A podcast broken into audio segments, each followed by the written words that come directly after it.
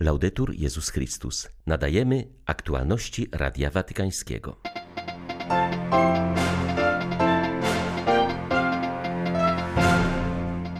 Świętość jest otwartą drogą dla osób świadomych swoich grzechów oraz odkrywających piękno miłosierdzia, powiedział papież do uczestników kongresu z okazji 50-lecia ogłoszenia świętej Teresy doktorem Kościoła.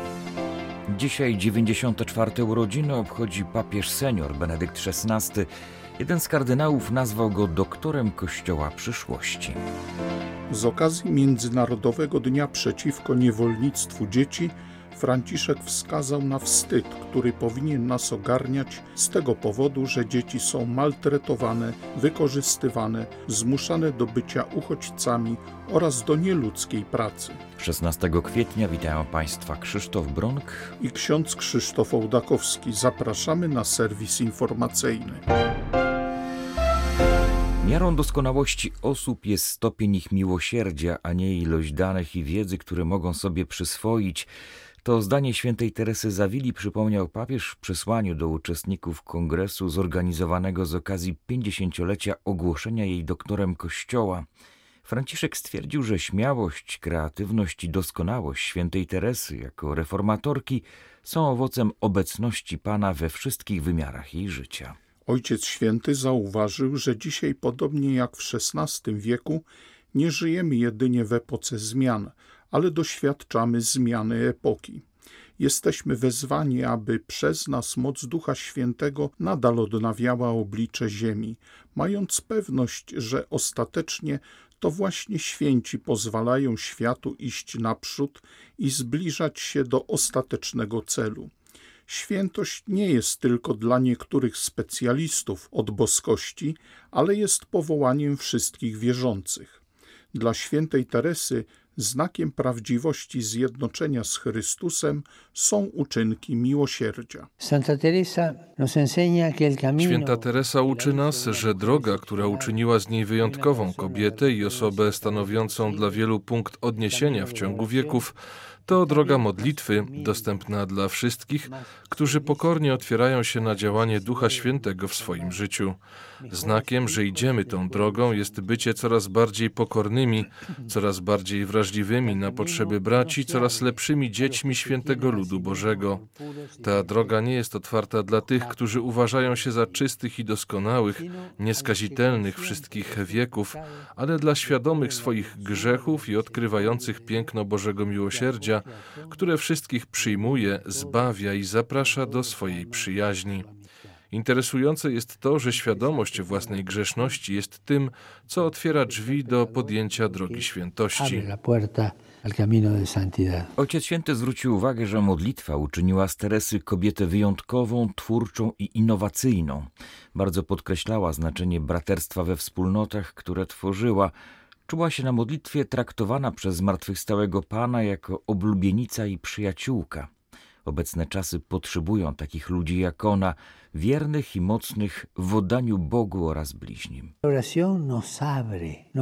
Modlitwa otwiera nas, pozwala nam rozsmakować się w tym, że Bóg jest wielki, że jest poza horyzontem, że jest dobry, że nas kocha i że historia nie wymknęła mu się z rąk. Może być tak, że idziemy ciemną doliną, nie bójcie się, bo Pan jest z wami.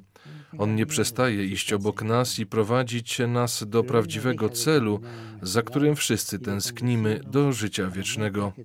Możemy mieć odwagę, by czynić wielkie rzeczy, ponieważ wiemy, że jesteśmy umiłowanymi Boga i razem z Nim jesteśmy w stanie stawić czoła każdemu wyzwaniu, bo tak naprawdę tylko Jego towarzystwo jest tym, czego pragną nasze serca i co daje nam pełnię i radość, do której zostaliśmy stworzeni. Święty podsumował to w znanej modlitwie, do której częstego odmawiania Was zachęcam. Kończy się ona słowami: Kto ma Boga, temu niczego nie braknie, Bóg sam wystarczy. Jeśli lekceważy się ubogich, przestaje się być kościołem Jezusa i ulega się pokusie, aby przemienić się w elitę intelektualną lub moralną. To słowa wypowiedziane przez papieża w przesłaniu do uczestników międzynarodowej konferencji pod tytułem Polityka zakorzeniona w ludzie.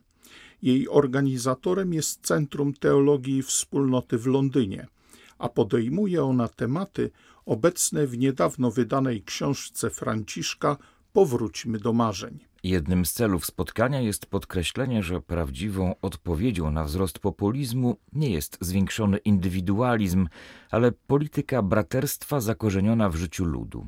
Chodzi o znalezienie mechanizmów, które zapewnią ludziom godne życie, zdolne do rozwijania wartości i tworzenia nowych więzi. W książce Powróćmy do marzeń Franciszek nazywa tę politykę polityką przez duże P, czyli taką, która staje się służbą, otwierającą nowe drogi, aby ludzie mogli się organizować i działać. Jest to polityka nie tylko dla ludzi, ale z ludźmi. Polityka, która lekceważy ubogich, nigdy nie może promować dobra wspólnego, Polityka, która lekceważy peryferia, nigdy nie zrozumie centrum i pomyli przyszłość z przeglądaniem się w lustrze. Jednym ze sposobów braku zainteresowania ubogimi jest pogardzanie ich kulturą, ich wartościami duchowymi, ich wartościami religijnymi, albo przez odrzucenie ich, albo przez wykorzystywanie w celu zdobycia władzy. Pogarda dla kultury ludu to początek nadużywania władzy Uznanie znaczenia duchowości w życiu narodów odnawia politykę. Dlatego konieczne jest, aby wspólnoty wiary spotykały się, poznawały, aby pracować dla ludzi i z ludźmi.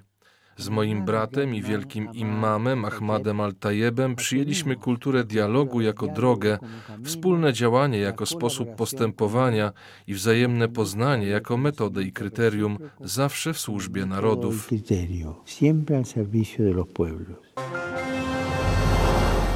Dzisiaj 94. urodziny papieża seniora. Z tej okazji nie przewidziano w Watykanie żadnych uroczystości przeszłości Benedykt XVI przyjmował tego dnia delegację ze swej rodzimej Bawarii.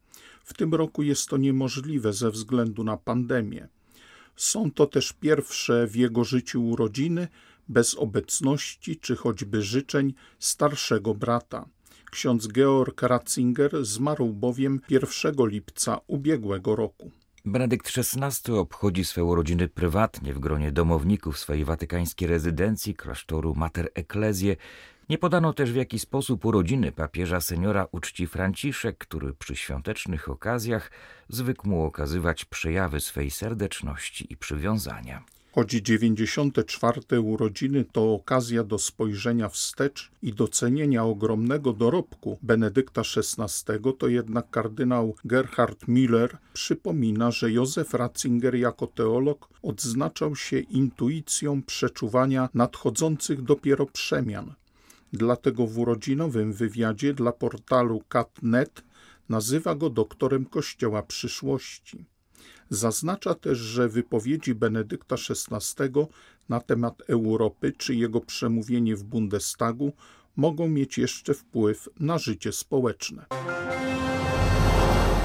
Papież Franciszek wielokrotnie sprzeciwiał się pladze niewolnictwa dzieci, napiętnował ludzi czerpiących zyski z tego haniebnego procederu, podkreślając, że u kresu życia będą musieli zdać z tego sprawę przed Bogiem.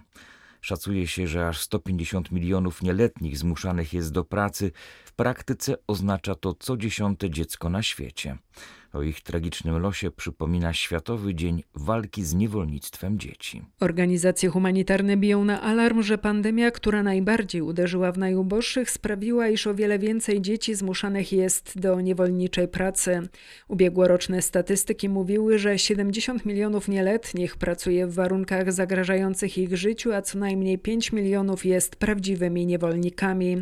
Handel dziećmi, zmuszanie ich do pracy lub żebractwa czy wykorzystywanie seksualne dotyczy wielu krajów na świecie, również w Europie.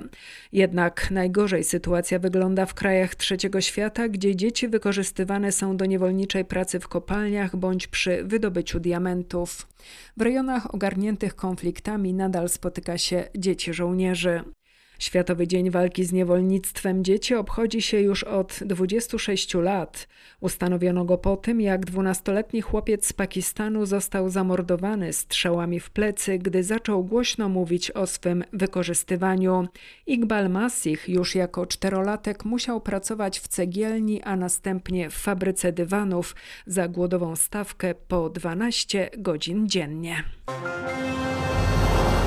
piątą rocznicę swojej wizyty na wyspie Lesbos papież Franciszek spotkał się w Watykanie z Filippo Grandim, wysokim komisarzem Narodów Zjednoczonych do spraw uchodźców. W ten sposób Ojciec Święty jeszcze raz chciał wyrazić swoją solidarność z osobami uciekającymi przed wojną i przemocą. Filippo Grandi wielokrotnie podkreślał, że każdy człowiek ma prawo ubiegać się o azyl, aby uciec przed prześladowaniami. Komisarz ONZ przytoczył też słowa papieża Franciszka, który podczas podróży do Iraku podkreślił, że nie będzie pokoju, dopóki postrzegamy innych jako ich, a nie jako nas. Jednym z celów wizyty papieża na Lesbos przed pięcioma laty była właśnie zmiana tej dzielącej świat optyki. Franciszek chciał zwrócić oczy rządzących na los uchodźców i imigrantów, których sytuację jeszcze na pokładzie samolotu określił jako najgorszą katastrofę humanitarną po II wojnie światowej. Podczas pobytu na Lesbos papież nie ograniczył się jedynie do słów, dał przykład człowieczeństwa, zapraszając do Watykanu kilka rodzin uchodźców, a zorganizowanie ich przyjazdu powierzył rzymskiej wspólnocie świętego Idziego. To były dla nas bardzo silne emocje, wspomina Daniela Pompei, która we wspólnocie zajmuje się sprawami uchodźców. Miała zaledwie trzy dni na wytypowanie najbardziej zagrożonych rodzin i przygotowanie ich do wyjazdu. To były rodziny syryjskie i muzułmańskie. O ich wyznanie dziennikarze pytali papieża na pokładzie samolotu. Ojciec Święty mocno podkreślił, że kiedy próbujemy ratować ludzi uciekających przed wojną, nie zwracamy uwagi na ich przynależność religijną, ale myślimy wyłącznie o tym, by ratować ludzkie życie, które jest zagrożone. Okazało się, że przykład papieża stał się bardzo skuteczny.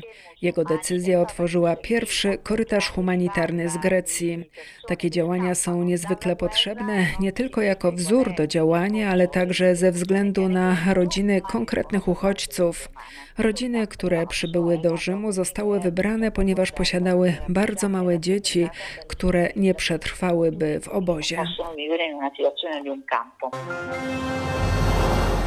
Milionom muzułmanów rozsianych na całym świecie Watykan złożył życzenia z okazji obchodzonego przez nich ramadanu. Jest to miesięczny post wyznawców islamu, któremu obok modlitwy towarzyszy jałmużna. Watykańskie przesłanie nosi tytuł Chrześcijanie i muzułmanie świadkami nadziei. Przewodniczący Papieskiej Rady do Spraw Dialogu Międzyreligijnego przypomina w nim, że Ramadan jest czasem błogosławieństwa i wzrostu duchowego. Nawiązując do trwającego czasu pandemii i kolejnych lockdownów, wskazuje, że bardzo potrzebujemy w tym okresie opieki boskiej oraz gestów ludzkiej solidarności, takich jak choćby telefonu od bliskich, pomocy w kupieniu leków i żywności żywności czy zwykłych słów wsparcia. Kardynał Miguel Ayuso Guichot dodaje, że nadzieja zakłada optymizm, którego bazą jest przekonanie, iż jesteśmy w rękach opatrzności.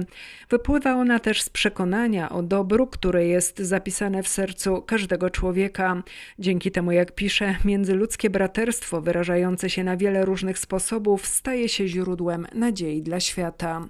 Watykańskie przesłanie na Ramadan kończy zapewnienie, że chrześcijanie i muzułmanie są wezwani do bycia siewcami nadziei, szczególnie dla tych, którzy obecnie przeżywają trudności i żyją w desperacji. Były to aktualności Radia Watykańskiego. Laudetur Jezus Chrystus.